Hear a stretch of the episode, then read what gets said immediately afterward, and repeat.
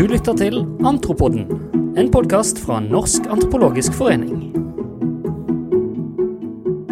Lederskap. De fleste av oss de har en leder. Noen av oss er kanskje ledere, og andre av oss skulle kanskje ønske vi var det. Men eh, er det egentlig noe å trakte etter i, til syvende og sist? Antropologer er vel kjent for å være litt uregjerlige og eh, ja, gå litt sine egne veier. Men eh, vi må jo møte både byråkratiet og eh, papirmøller, vi òg. Men stopper vi egentlig nok opp? Det er det spørsmålet Åshild Mongstad, antropolog, stiller seg i boken 'Refleksivt lederskap'. På tide å stoppe opp. Og Åshild, hjertelig velkommen til Antropoden. Tusen takk for at jeg får komme. Ta, fortell litt om deg sjøl.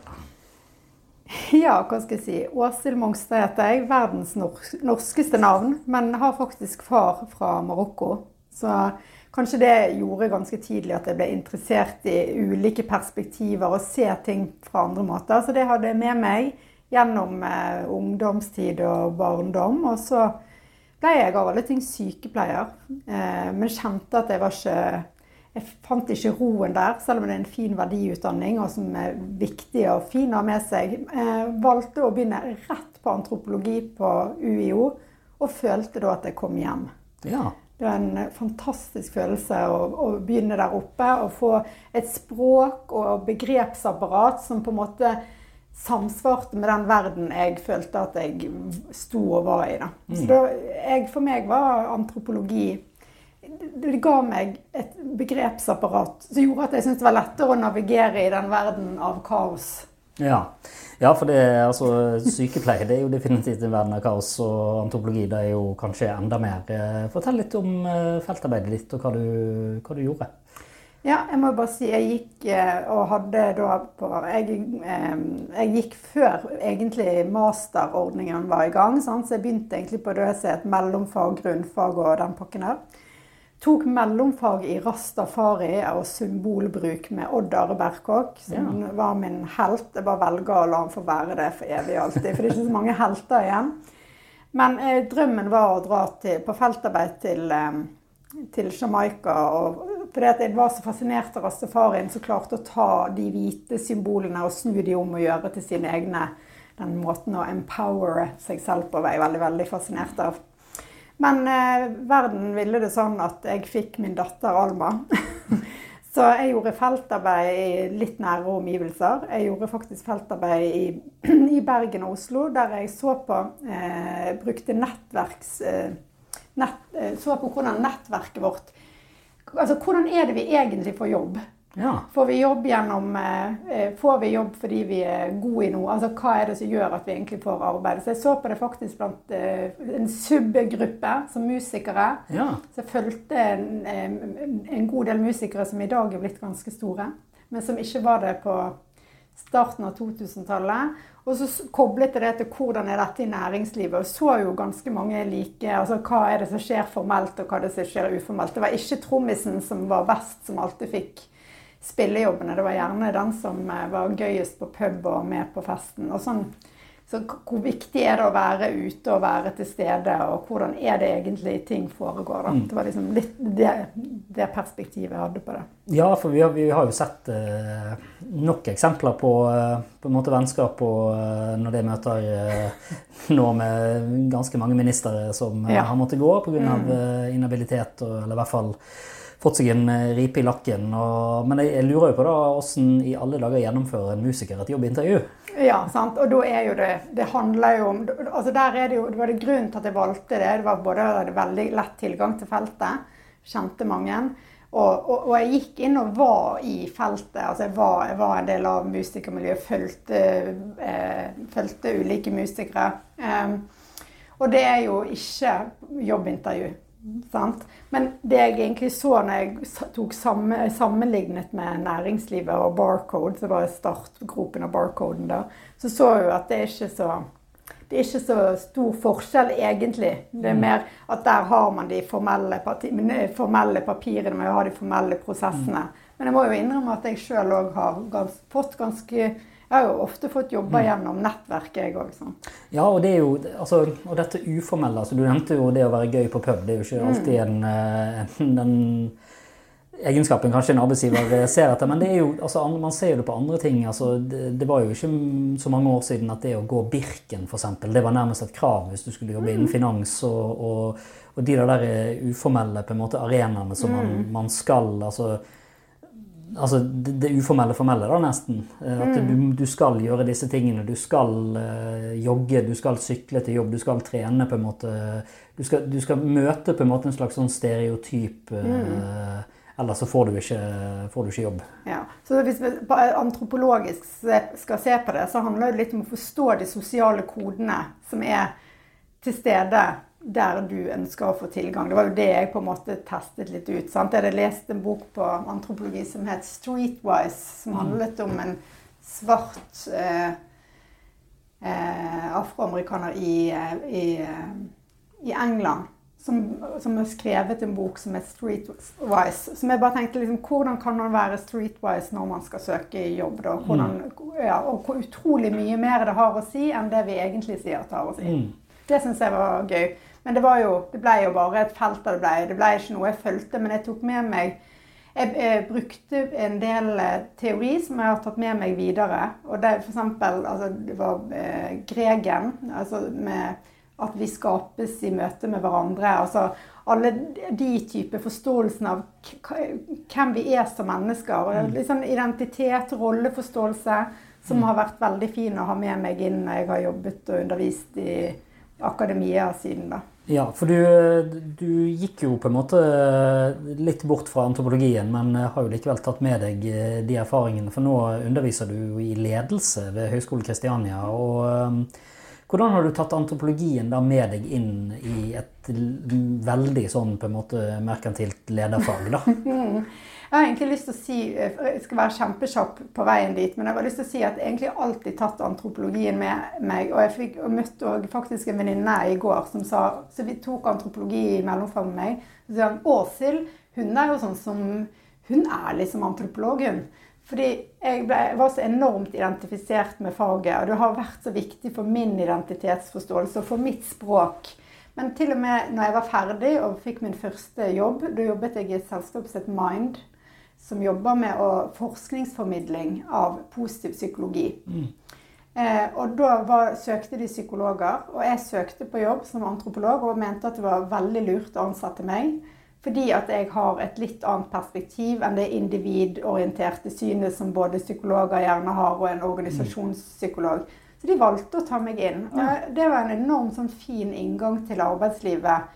Eh, der jeg opplevde at min kompetanse var veldig relevant. Da. At kanskje tidlig å begynne å tenke tverrfaglig. Men jeg opplevde, jeg opplevde det. Jeg var, veldig, jeg var, veldig, stolt av antropologibakgrunnen min. Så den, den, identiteten tok jeg med meg inn her. Men jeg må ærlig innrømme at jeg skjønte kanskje ikke helt Jeg sier her, det er fordi vi sitter på Høgskolen Kristiania. Men jeg skjønte ikke hvor merkantilt Altså, jeg var ikke så streetwise da når jeg kom her.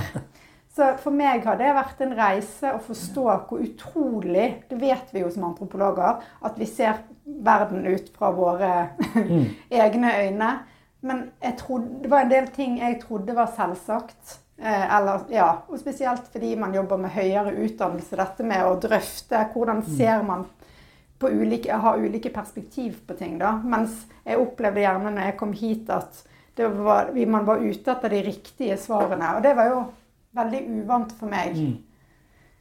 Ja. ja. for vi søker jo ikke de riktige svarene, på en måte. Altså... Nei, og finnes det riktige svar innenfor Nei. humaniora? sant? Altså, mm. Jeg skjønner at man ønsker å skape orden i et kaos, men ikke så orden at man skal ha to streker under svaren. Nei. Nei. Men du kan, på, du kan jo på mange måter si at det, da, da, fikk du på en måte den antropologiske opplevelsen så veldig mange av oss får, dette kultursjokket. Mm. Det, måte, det høres ut som du måtte manøvrere deg i en helt ny verden. Og, og da vil jeg jo tro at erfaringen som antropolog kom godt med. Ja, virkelig. Og enda stoltere av bakgrunnen min. Da opplever den eh, veldig relevant.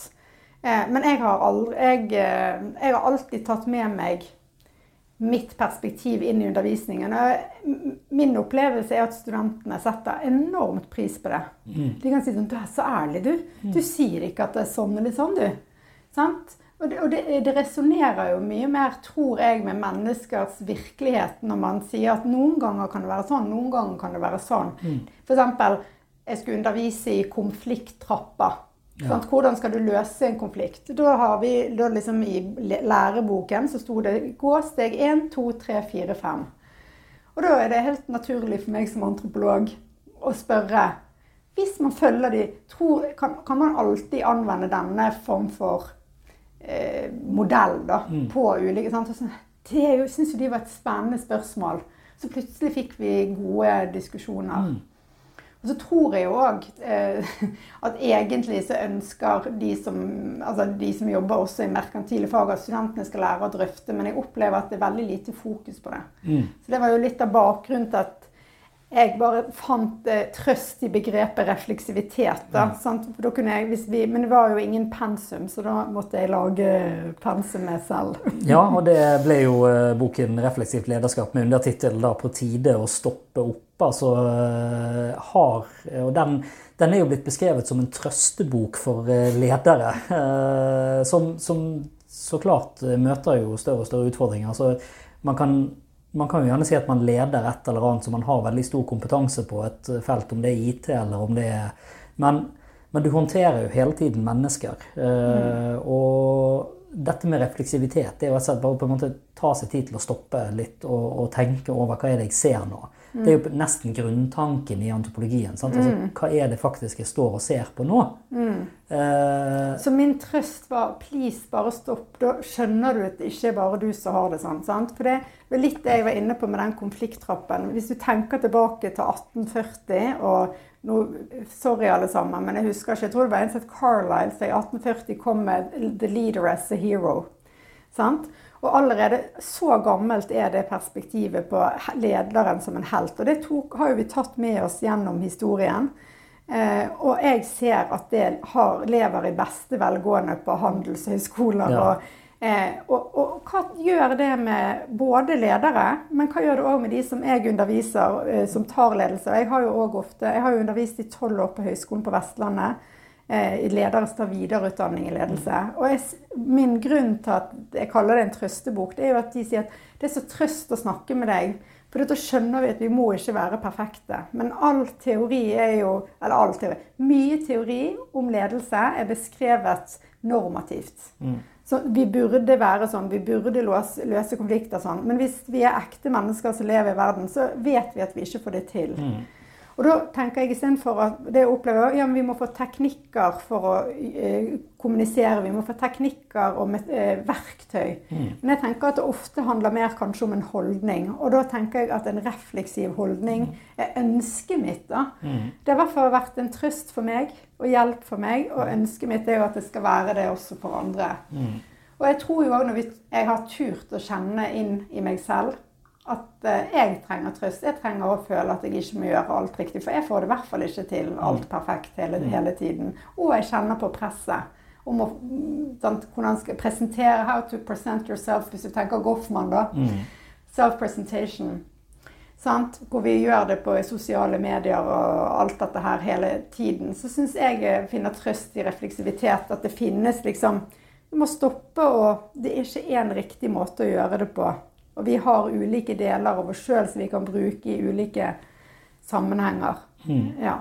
ja, fordi altså når man tenker på en leder, så tenker man ofte den som haster fra møte mm. til møte. Så det er jo mm. bare å se, Hvis man har tilgang til lederens outlook, så er jo det, det å finne en, en ledig tid eh, er jo nærmest umulig. Og der det å på en måte være travel, det er nærmest et statussymbol. Altså, mm. Se på meg, jeg er så, mm. så voldsomt travelt. Jeg sitter uh, Men altså hvor mye, Du går jo glipp av ekstremt mye ved å hele tiden være på farten. Altså, og det er jo litt det du sier òg. Altså, det å mm. stoppe opp, uh, tenk altså, hva, hva, kan det gjøre med, med deg som leder? Så Det jeg inviterer til i min bok, det er jo først å stoppe opp og forstå hvordan er det egentlig du ser Hva er ledelse? hva tenker du at er god ledelse? Sant? Bare den refleksjonen som du gjorde nå. Er det alltid hast? Hvordan ser vi for oss en leder? Så jeg ber de alltid tegne en leder. Og det er veldig utrolig vittig. Jeg må bare fortelle det. Det er veldig gøy nå. Jeg fikk akkurat en tegning når jeg holdt eh, et foredrag. Der var det en som eh, var CEO i et storselskap. Han tegnte seg selv som et pakkesel. Ja. Sant? Tenk hva det forteller. Alt blir loadet på han. Tenk hva han går og bærer på hele tiden. da. Sant? Så disse tegningene gir jo tilgang til de implisitte teoriene våre om ledelse. Så det er det første jeg inviterer til i boken min. Og så inviterer jeg til å stoppe opp og se det tilbake. For det har vi liksom sluttet med. sant? Det er ikke noe vi gjør i studiet. Veldig lite fokus på det. Og da gjør jeg helt enkle, enkle ting. Så beklager alle sammen hvis dere tenker at jeg er kjempesmart. Men jeg gjør så enkle grep så at jeg ber de tegne en tidslinje. Mm. Hvem er det du har møtt på veien som gjør at du forstår ledelse sånn? Hvilke av disse eh, forståelsene og strategiene kan du legge fra deg for de er ikke hensiktsmessige for deg lenger? Og hvilke strategier og perspektiver ønsker du å ta med deg videre? Jeg ser at folk tar av fra pakket sitt. da. Og, og, opplever at plutselig så tar de mer eierskap til sitt eget lederskap. Da. Så da har vi liksom bare kommet dit. Og så er det å begynne å se på hva er mine verdier? Hva er min superkraft? Hva er min energi? Er jeg, vi kan spørre åtteåringer. Mm. Hva er din superkraft? Ja. Det er å trøste andre. Ja. Men hvis du spør en leder hva er, hva er, det som gir deg energi, så har de veldig vanskelig for å snakke om det og sette ord på det. Mm. Så det å invitere til, og så får du brukt de sidene av deg sjøl som faktisk gir deg energi. Og det du sa, syns jeg var litt gøy. For jeg har vært i en organisasjon hver fredag i fire år. Og den, eh, han som er CEO i det selskapet, han har, gjort, han har hørt sånn Vært sikkert lei av men det her med travelhet Så han har faktisk begynt å så tørre å gå Og det mener jeg. Det handler om å tørre. Han sier jeg tør nå å gå på jobb uten å ha full kalender. Og så sitter jeg bare av og til der. Og jeg ser jo at det gjør noe. For der har jeg gjort feltarbeid i fire mm. år. Så jeg ser jo nå, og det er jo der jeg har sittet og skrevet boken også. Mm. Så jeg har på en måte fått sett refleksivitet i praksis. Og, og det her er et uh, high-tech-selskap som har vokst ufattelig fort. da. Mm. Så et, et, verdien av å stoppe opp, de er de, Vi kan ikke måle de i penger, men jeg tror kanskje at de viktigste verdiene de ligger ikke i, i, i kroner og øre, men mm. det gir noe både til den enkelte leder, men også kanskje til hele organisasjonen. Mm. Ja, for det er jo eh, Altså, du beskriver jo nesten en nysgjerrighet. Altså en sånn nys naturlig nysgjerrighet. Og, og, og, og, det du egentlig beskriver, er jo ikke noe som eh, nødvendigvis bare er allmenngyldig for en leder. Altså Dette er jo noe som eh, også for medarbeidere, det å stoppe opp og tenke hva er det jeg egentlig gjør nå? Altså, mm. Gir dette altså, Gir det jeg gjør, en mening nå? Mm. Eh, eller kan jeg gjøre det på en annen måte? Altså det å ta ulike perspektiver. og Det er jo egentlig noe som folk burde ta med seg inn i livet også. Altså du, du, beskriver på en måte et slags sånn holistisk eh, tankesett. da. Mm, jeg gjør egentlig det. Og jeg tror veldig på at vi kan trene opp den nysgjerrigheten. Sant? Eh, jeg tror at vi, eh, og jeg tror òg at hvis vi begynner å trene opp den nysgjerrigheten, så får vi litt rikere hverdager. Mm. For vi vet mer hvem vi er, og hvor vi kommer fra, og hvorfor vi gjør det vi gjør. Og da tror jeg vi tar med oss en ny styrke i livene våre. Og jeg prøver av og til å tenke altså, det, Jeg tenker at, jeg pleier ofte å si at jeg mener at det alle i verden må ta lederskap i eget liv. Verden er veldig uforutsigbar for oss alle nå. Vi ser det skjer endringer på mange plan hele tiden. Og mm. ja, skal ikke gå inn på alt som har med fremtid og miljøvern og sånn, men jeg tror jo derfor trenger vi verdier. Vi trenger å bygge opp vår indre mm. ryggrad. Mm. Så jeg snakker ganske mye om verdier. Men jeg mm. prøver også å ikke beskrive dette med verdier som den salige løsning. For verdi, derfor, derfor er fleksivitet. da. Mm. For det kan også bli brukt manipulerende. Mm. sant? Å, kom vi i en familie, her har vi felles verdier og så bare går du, jobber du for lederen din til du stuper. For du? Så det, det, det, er dessverre Og det er jo det jeg mener. Det finnes ingen riktige svar. Mm. Men det handler heller om å trene opp nysgjerrigheten sin og passe på. Og så vil vi aldri være i homostatisk balanse. Men livet er kanskje spennende når vi mm. Er bevisst disse prosessene som faktisk foregår, om vi er bevisst eller ikke. Men vi tar liksom mer lederskap til livet vårt da, mm. hvis vi er bevisst disse prosessene. Ja, og, men der, også, der, der, kan det jo komme en fallgruppe. en måte. Altså fordi at uh, det å altså være mer medmenneskelig og det å være på en måte tettere på sine medarbeidere og på en måte se de da. Mm. Men kan man bli for mye kompis med, med de man leder? Det tror jeg man kan. Så der òg handler det om den balansen. Og så tror jeg òg at der finnes det heller For alle, alle lederne jeg snakker med, og i hvert fall studentene, de vil ha oppskriften på mm. ting. Mm. Men jeg tror heller at det handler om en nedskrift. Du må skrive, du må reflektere.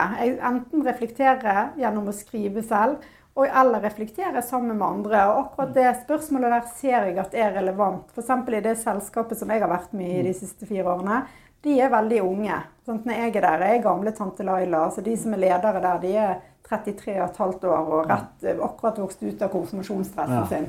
For det er high tech. sant? Ja. Og der og de òg jobber med akkurat den problemstillingen som du, du beskriver nå. Og klarer å finne hvordan jeg er kompis, og hvordan jeg er leder. Og, og da tror jeg at Jeg tror ikke det finnes oppskrifter, men jeg tror i hvert fall ikke på at du skal ja, det er kanskje ja, Jeg vet ikke hva som er riktig og galt, og, men min opplevelse er at jeg tror vi blir best hvis vi kan bruke viktige deler av oss sjøl når vi leder. Jeg mm. tror ikke på at profesjonalitet handler om å være instrumentell, i hvert fall. Mm. Ja, for det, det, er jo en sånn eh, Altså jo nærmere du kommer, jo vanskeligere kan det være å ta disse ubehagelige mm, mm, samtalene. Altså, mm. man, man, må jo av og til ta avgjørelser som er upopulære som leder. Man må av og til gjøre ting som ja, nesten går på tvers av egne verdier. Altså, og alle sånne ting. Eh, og da kan det jo kanskje være en idé å tenke at eh, ok, jo mer distansert jeg er fra, fra mine folk, jo lettere blir det å ta den avgjørelsen. Men mm. du sier jo egentlig det motsatte. sant? Altså, den, De mellommenneskelige relasjonene gjør at disse vanskelige situasjonene blir lettere.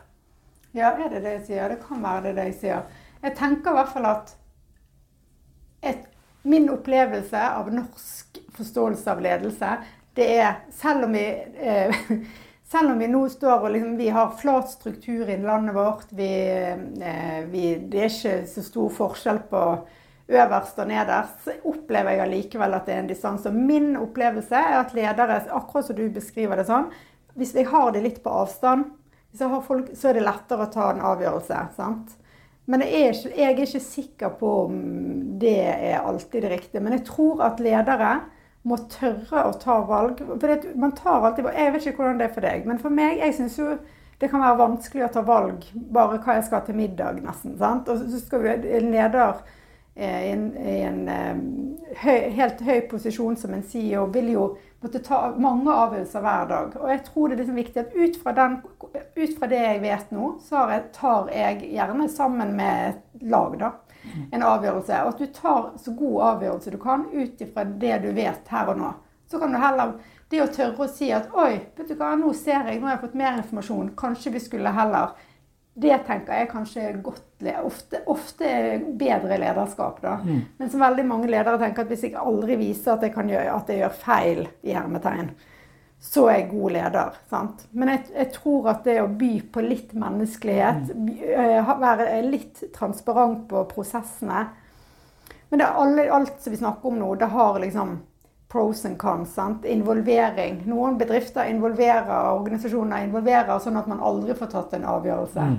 Så det, det, jeg tenker at her finnes det som, dessverre ingen riktig Men bare også, eh, riktige svar. Men det å bare velge å stoppe opp og reflektere over disse tingene sammen, gjør at man blir tryggere. Sant? Fordi at vi, vi, vet noe om det.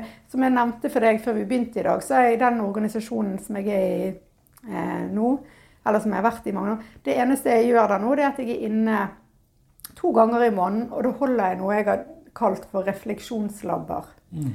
Og da stopper jeg opp med lederne i to og en halv time. Da sitter de fem og seks stykker i en gruppe. Og så eh, drøfter vi hva er det holder dere på med nå, hva er viktig for dere, med et styrkebasert perspektiv. da. Mm. Og hvis jeg skal summere kort opp for deg, hva har jeg lært gjennom de to årene jeg har kjørt disse labene, så er det at alle sitter og har sine frykter. Og når jeg spør hva har vært det beste, så er det dessverre ikke at jeg er fantastisk. Men det er at vi sammen har skapt et rom der vi tør å snakke om at jeg føler meg litt alene. Jeg er litt redd. Nå skal jeg ta den avgjørelsen. Jeg syns det er litt vanskelig. Og jeg bare ser hvor de styrkes av hverandre, og de blir flinke på å reflektere rundt spørsmålene. Og det gjør de òg mer ydmyke og menneskelige, tenker jeg. Som er, er fint å ha med seg. Men òg kanskje tryggere, da. For at når de tar et valg, så har de eh, trent på å være refleksive og reflektere før de tar valgene. De tar ikke valgene i frykt. Og de sier at det beste med disse gruppene er at jeg vet at det ikke bare er jeg som syns dette er vanskelig. Nå har vi en plass vi kan snakke om det. Ja, og, og nå er det sikkert mange som, som jobber på en måte litt lenger nede på gulvet, som tenker at å nei, nå har lederen vår vært på et sånt eh, seminar, nå skal de komme med alle disse verdiene og eh, sånne ting. Nå skal vi alle gjøre sånn. eh, Um, og det, er jo, det, det ser man jo ofte hos ledere som man har fått en eller annen inspirasjon. Og nå, nå skal vi Våre verdier er sånn. Altså, det er jo en ganske sånn absurd eh, påstand, egentlig, for verdier er jo ganske individuelle. Og de skapes i, vi skaper jo verdier i møte med hverandre òg. Ja, og det òg tenker jeg er en fordel med å være antropolog, for jeg tuller jo med det òg. Akkurat det du gjør når jeg sier nå må dere ikke komme og si at dere har vært med meg. Ja. Sant? Så, så, så det er jeg i hvert fall obs på. da. Mm. at det, det, er ikke, det er ikke det det skal handle om. Det skal handle om å styrke deg sjøl, og at du blir tryggere i, i at du står ikke alene. Så de blir ikke så veldig frelst, altså. Nei, nei, men det De av oss som har eh, toppledere, vet eh, Ja. kjenner til den. Ja, men det er og, og jeg pleier faktisk å tulle med det. For jeg husker en gang jeg hadde et kurs, og så sa hun skal du gjøre sånn at vi skal lære oss å se hverandre nå? Så jeg var her. Jeg fortalte hun at hennes toppleder, for hun var mellomleder, da, hadde vært på kurs og lært at det var viktig å se andre. Og der ser du den instrumentalismen som kommer ut av av og til. Unnskyld, sånne merkantile handelshøyskolekurs. Jeg tar det jo litt i boken. Og det er fordi at da lærer man å vi skal gjøre det. Og da blir det sånn, da har hun fortalt det. OK, nå har jeg sett deg. Lars. OK, godt neste. Nå har jeg sett deg. Kari. Nå har jeg sett deg. Frank. Nå har jeg sett deg. Mette.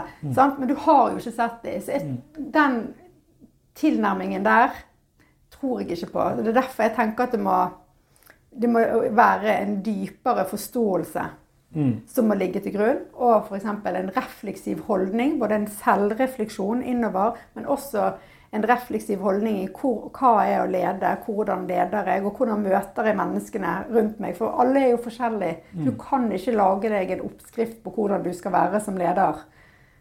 For vi, du, må, du må evne å se hva de du leder, trenger. Og det vil også forandre seg. sant? Er, er det noen typer lederskap der dette ikke egner seg? Altså refleksivitet. Jeg tenker f.eks. Altså militæret. For eksempel. det, det, man har ikke så mye tid til å stoppe opp uh, der. Da skulle vi hatt eh, vår gode venn og kollega Tone Danielsen her, som har mye mer kompetanse på det feltet. Jeg tør ikke uttale meg, for vi har en stjerne her på skolen. Eh, men, men bare ut fra Og da tenker jeg, vi skal, jeg pleier, Det jeg òg pleier alltid å si, som jeg er litt fornøyd med sjøl i forhold til det du nettopp lo av med verdier eller, salighet, så pleier jeg òg å si du skal ikke gå rundt og reflektere hele tiden. Se på meg, jeg går jo kjempefort. Jeg tror at det handler om å forstå når kan man gå fort, og når kan man haste, og når trenger jeg å stoppe opp. Og så vil det jo alltid være sånn at vi kjenner det akkurat eh, to dager etter vi kanskje hadde trengt det. da. Men i hvert fall at vi bare stopper opp. For det tror jeg Jeg tror faktisk her, Dette her er kun synsing fra min side, ikke basert på noe forskning. Men jeg tror at min, det jeg kjenner til militæret, så stopper de opp etter en øvelse. De reflekterer i etterkant. Så, ja. så det handler jo ikke om at man bare skal gå rundt og være der, men at man har den holdningen med seg. Og gjerne etter en strategiprosess, etter et prosjekt, midt i et prosjekt, at man stopper opp, sjekker inn. Hvor er vi nå? Hva trenger vi nå? Sånn, for eksempel sånn forventningsavklaringsverktøy som en sånn klassiker. Er sånn, jeg husker det kom en leder til meg, så sier hun ja, nå har jeg hatt sånn forventningsavklaring, og alle var med på laget, og la-la. Og så plutselig ute i prosjektet så gikk det ikke likevel.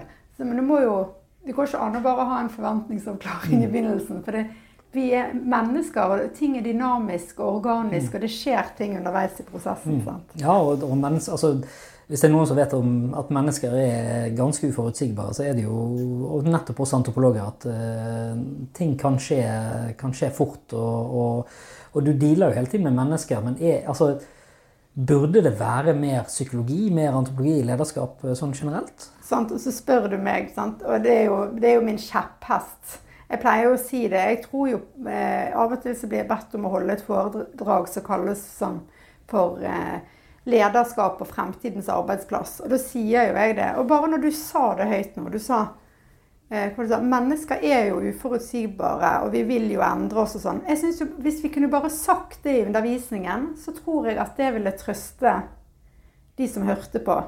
For når vi, når, vi, lager de normative forestillingene om hvordan det både er å lede, og hvordan de man leder er, og så er, møter man en annen virkelighet, så opplever man jo ikke-mestring. Mm. Men for min del, når jeg har tatt antropologiutdannelse og vet om disse tingene, så da kjenner ikke jeg på den ikke-mestringen når jeg møter uforutsigbarhet. Fordi jeg vet at det kommer til å skje.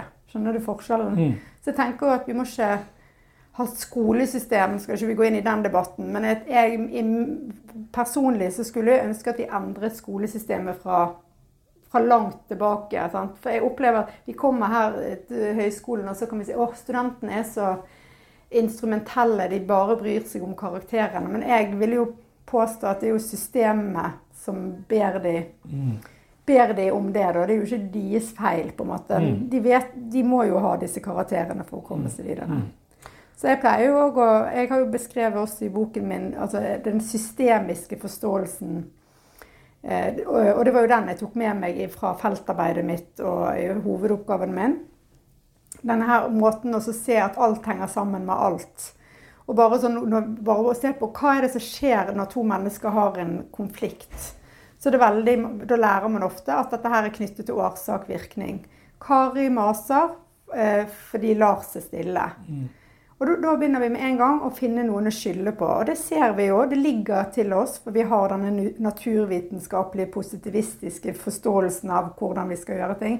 Men hvis vi tenker systemisk på det, så ser vi bare at her er det oppstått en dynamikk der Kari maser Lars er stille. Men om det Lars er stille først, og derfor maser Kari Altså vi vet ikke hvem som er først. Og da kan man, min erfaring i hvert fall, det blir ikke så skummelt å håndtere en konflikt når man heller tenker at det handler om dynamikken mellom menneskene, mm. enn at den ene eller den andre er problemet. Så mm. der mener jeg f.eks. sånn antropologi kunne hjulpet fra barnehagen. mm. ja, det, egentlig, altså, det, ble jo sagt at det var en trøstebok for ledere, men dette høres jo nesten ut som en bok som også samlivsterapeuter burde hente frem. og altså, Refleksiviteten er jo eh, Alle som har vært gift eller er det fortsatt, eller i forhold eller hva som helst, mm. vet jo at uh, dette kunne jo vært en kjempenyttig øvelse der også. Sant, og som, jeg tenker jo at vi skriver den boken vi trenger sjøl. Og jeg har jo skrevet om disse tingene fordi at jeg, jeg har trengt det i eget liv. Om det handler om partner, om det handler om barn. Og det der eh, å bare slippe den Altså at det er min feil, den andres feil. Og bare kunne løfte det opp på et litt annet nivå og tenke at det handler om en dynamikk. Mm. Syns, jeg, synes jeg personlig er fin. Så jeg ønsket faktisk å dele den med folk. Men det er ikke fordi at jeg tenker at jeg er så flink, det er jo fordi jeg trenger det sjøl. Ja. Og så tror jeg òg ja, studentene mine opplever jeg at jeg er ganske begeistret for boken. Og eh, jeg hører at han selger godt. Og det tror jeg for at jeg har turt noe som egentlig er skummelt. Og det er også å kjenne på hva jeg syns er vanskelig. Mm. Så jeg har liksom skrevet om ting som jeg tenker er relevant for livene våre. da. Mm. Mm. Men det er jo litt skummelt. Og det er òg litt sånn unorskt, kanskje, da. Men jeg tror at når vi tør å snakke om noe som er ekte for oss, så er det lett å Da treffer vi kanskje nervene i noe mer enn bare oss sjøl, hvis, hvis, vi alt henger sammen med alt. da, mm. Hvis vi er en del av hverandre. Ja, og så er det jo nettopp det der eh, å, å stoppe opp. altså når man F.eks. hvis du skal utvikle en løsning, sånn som high-tech, for eksempel, altså mm. teknologien eh, mm. skal løse et eller annet problem. Og hvis man da bare kjører på med disse sprint og scrum og alle mm. disse fantastiske prosjektverktøyene som man, man kan bruke, og så hvis ikke du stopper et øyeblikk og sier 'vent litt', hva er det egentlige problemet her? Hva er mm. det egentlig vi prøver å løse? Mm. Eh, det også er jo en kjempeviktig egenskap. Mm. Eh. Ja, jeg har jo et fag som underviser som heter endringsledelse i praksis, der vi bruker design thinking, som er en del av det samme. da. Og Søren burde jeg huske, vet du hva hun heter? Hun antropologen som var så laget i hvert fall en, eh, et foredrag som heter 'Fuck design thinking'. Ja. Ja. Og da er det, Hun er også antropolog, men amerikansk, tror jeg. Um, og hennes perspektiv på Jeg sa at refleksivitet var det. Hun bare Å, det er det jeg òg snakker om. Så jeg tok med meg mitt kapittel om refleksivitet inn i faget refleks, eh, endringsledelse i praksis. Fordi at bare også når man skal gjøre et intervju i en design thinking-prosess, så bare hva er det du egentlig vil altså Bare at de stopper opp og tenker gjennom det. Så hva er det vi egentlig prøver på nå? Det er ikke så nøye om sånn eller sånn. Det handler, og der tenker jeg antropologisk metodikk da, for, å gjøre, for å hente informasjon eller for å forstå noe, er mye bedre enn denne instrumentelle intervjutilnærmingen. Mm. Hva vil du si er den største feil eh, ledere gjør i dag? Ja, sant? Så kan jeg kjenne sånn eh, feil Det klarer jeg ikke. Jeg tenker Den største utfordringen i hvert fall, er at de later som de får til alt. Jeg tror det er det som ødelegger mest for de sjøl. Jeg fikk akkurat en eh, melding fra han det en, altså, Han i Veidekke som snakker om at han er deprimert. Han er jo toppleder i Veidekke. Han har lest boken min og syns at den resonnerte veldig. Og sier jo, og snakk, reiser rundt og snakker om hvor mye toppledelse som er basert på frykt. Men jeg tror, håper at vi kan begynne å snakke om det. Og at vi kan heller styrke lederutdanningene med å få inn mer eh, forståelse av Menneskelig forståelse, da. Både psykologi, men også eh, Det er ikke nok med bare den psykologiske innover. Jeg tror jo den samhandlingsforståelsen som f.eks. vi har med oss fra antropologien, vil gjøre at ledere står tryggere i lederskapet sitt og ikke må lyge. Ja, flere sånne historier der jeg hører at ledere gjør feil, og så har de laget et bilde av seg selv som er så amazing. Og så må de skyve det som går galt under. Ja, vi ser jo det i politikken i dag. Hjelpe meg. Ja. Så mm, det er ingen som er perfekte. Så kanskje vi bare liksom slutter med det.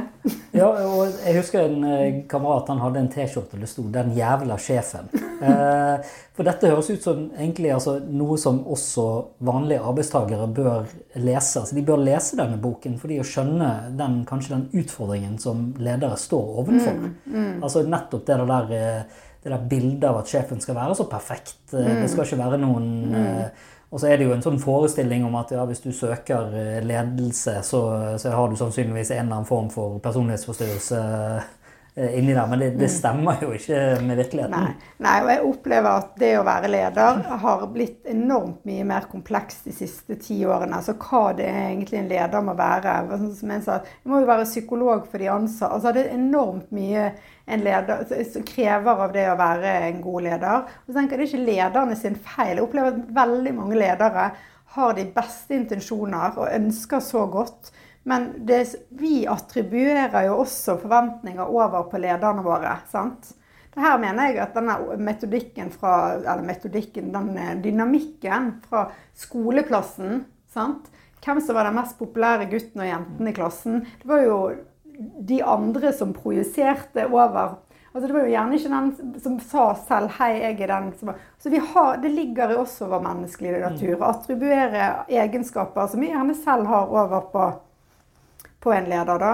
Og når jeg sier dette til studentene, så de bare åh, det gir så mening. Og nå skjønner jeg. Og, og, og, og ledere også, men også studentene mine.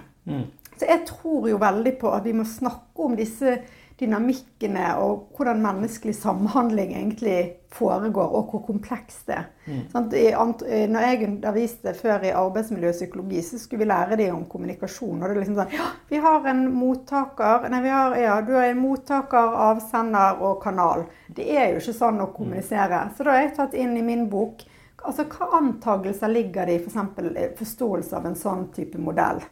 Det antar jo at vi ser verden helt likt. Det gjør vi jo ikke. sant?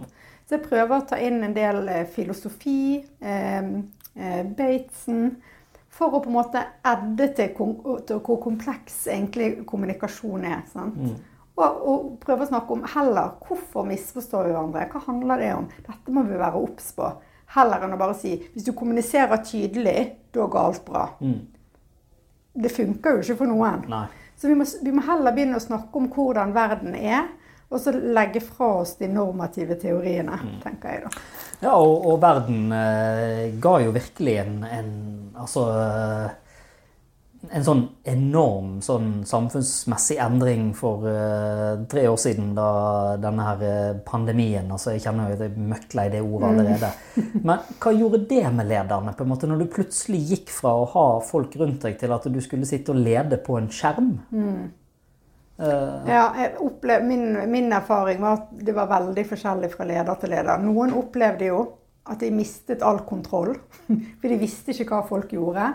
Og for det kanskje òg mange kjente på at herregud, jeg har ikke visst at jeg er så kontrollfrik.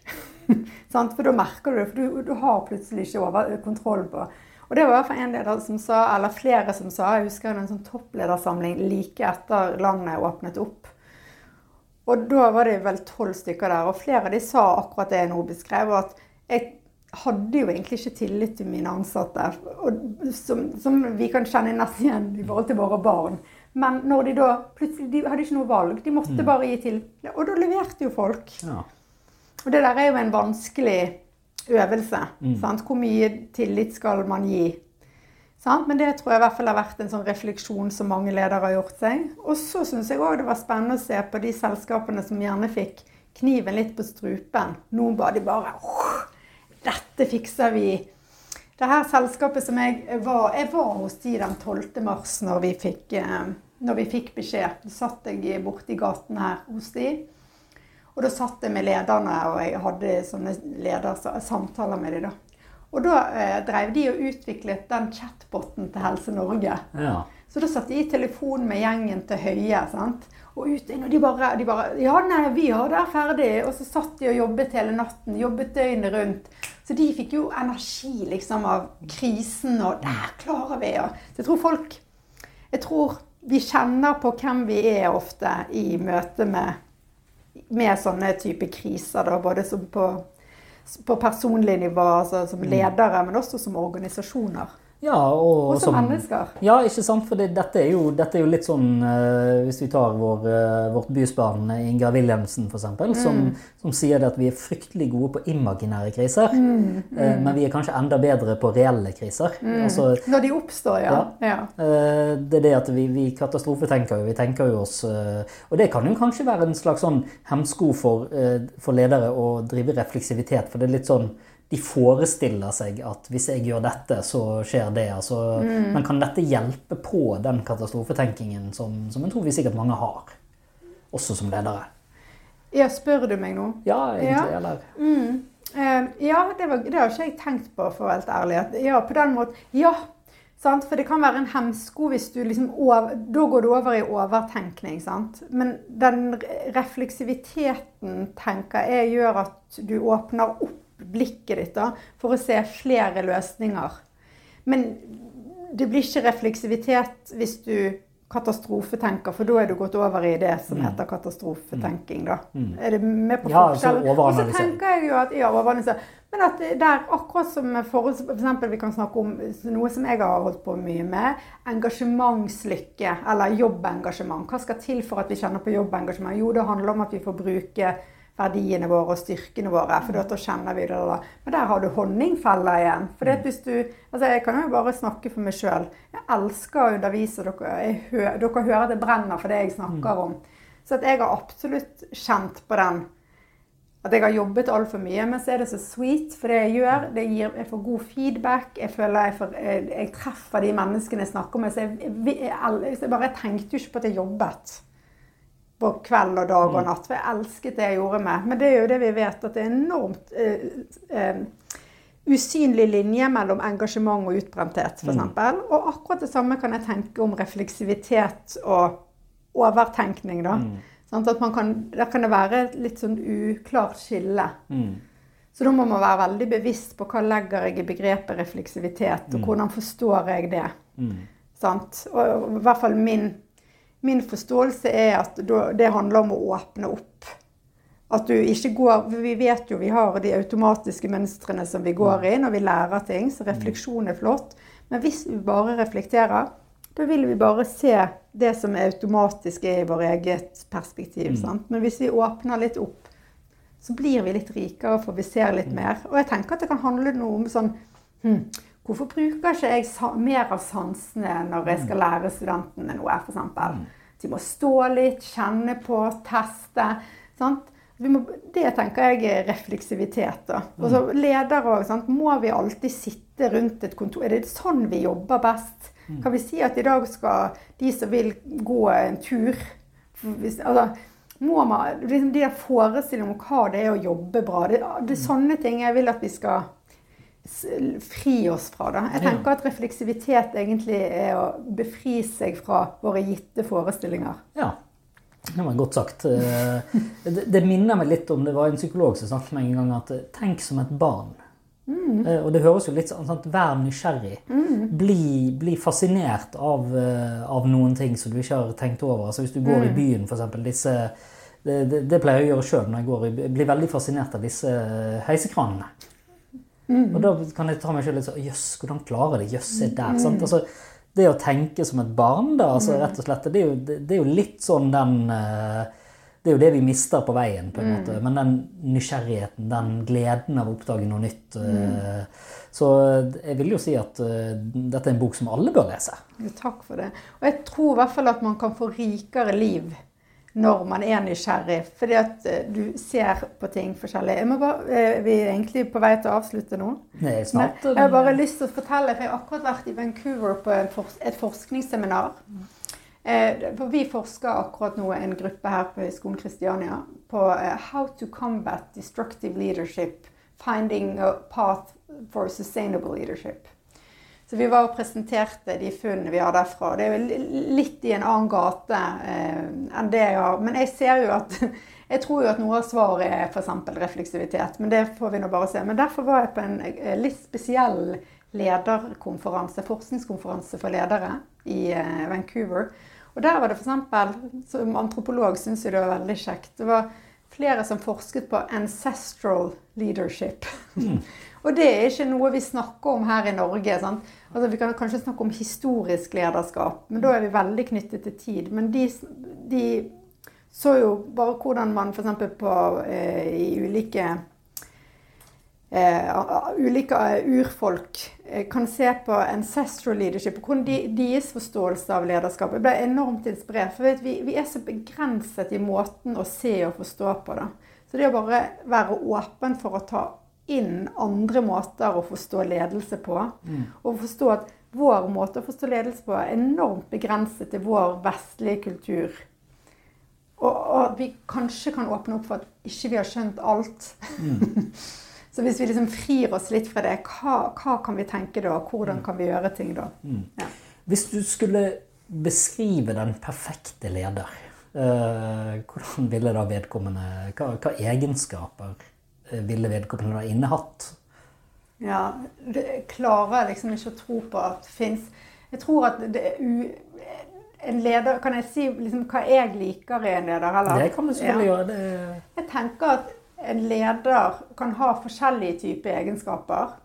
Men det viktigste er at vedkommende tenker, min, min erfaring med å ha ulike ledere En leder er til å stole på.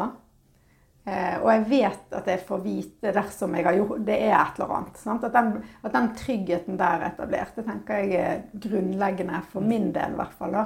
Men liksom, perfekt leder er liksom det viktigste Jeg tror at hvis en leder er så trygg på seg sjøl at han han eller hun tør å si at 'dette vet jeg ikke helt'. Det er i hvert fall for meg veldig sånn tillitsskapende. Mm. En leder som tar på seg For det, er òg en sånn ganske interessant diskusjon. Lederrollen. Legger du fra deg deg sjøl hjemme, da, så går du inn i rollen, og så er du på jobb? Jeg tror at jeg liker en leder som tar med seg deler av seg sjøl. Jeg, jeg har en ganske ny leder her nå. Og hun begynner hver instituttsamling med å lese et dikt. Det er kanskje ikke så veldig Min forståelse er at det er noe hun gjør fordi at det er hun. Og det skaper en eller annen trygghet. Så når hun, da, leser, tenker, da leser jeg litt Ok, kanskje dette forteller noe om henne. Mm. Jeg liker at vi kan være litt grann personlig. Og finne den kombinasjonen av å være personlig, men også profesjonell. For man må, jo, man må ikke bli så personlig at man ikke kan ta profesjonelle avgjørelser. Nei, for det går jo på, det går jo, altså Man må jo ha på en måte en tillit uh, der og en slags sånn autoritet da, som uh, kan forsvinne i det personlige. Mm. Men den ærligheten på disse tingene, og tørre å være litt direkte, det setter i hvert fall jeg pris på. Ikke alt sånn late som. Men det, det snakker jo jeg egentlig, hører jeg nå, da om det, det, som er viktig for meg. Mm. Ikke Ja.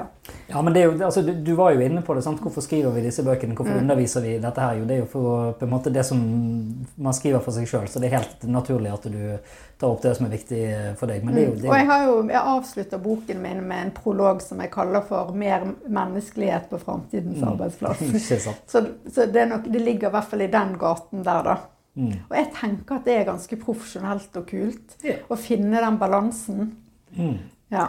ja. men det er jo sant, som du nevnte, han Veidekke som på en måte har vært eh, ute og, og vært ganske åpen om sine, sine utfordringer. Da, og, og, andre som det, det, er jo ikke bare negativt. Nei, jeg opplever at han beholder en verdighet og profesjonalitet, sånn som jeg ser han for det, jeg tenker at ofte, Og det er jo sånn klassisk, kanskje det er et klassisk antropologspørsmål. Hva er det egentlig å være svak? Mm. Jeg tenker at det å i hvert fall for seg sjøl klare å innrømme at jeg har mine svake sider. Mm.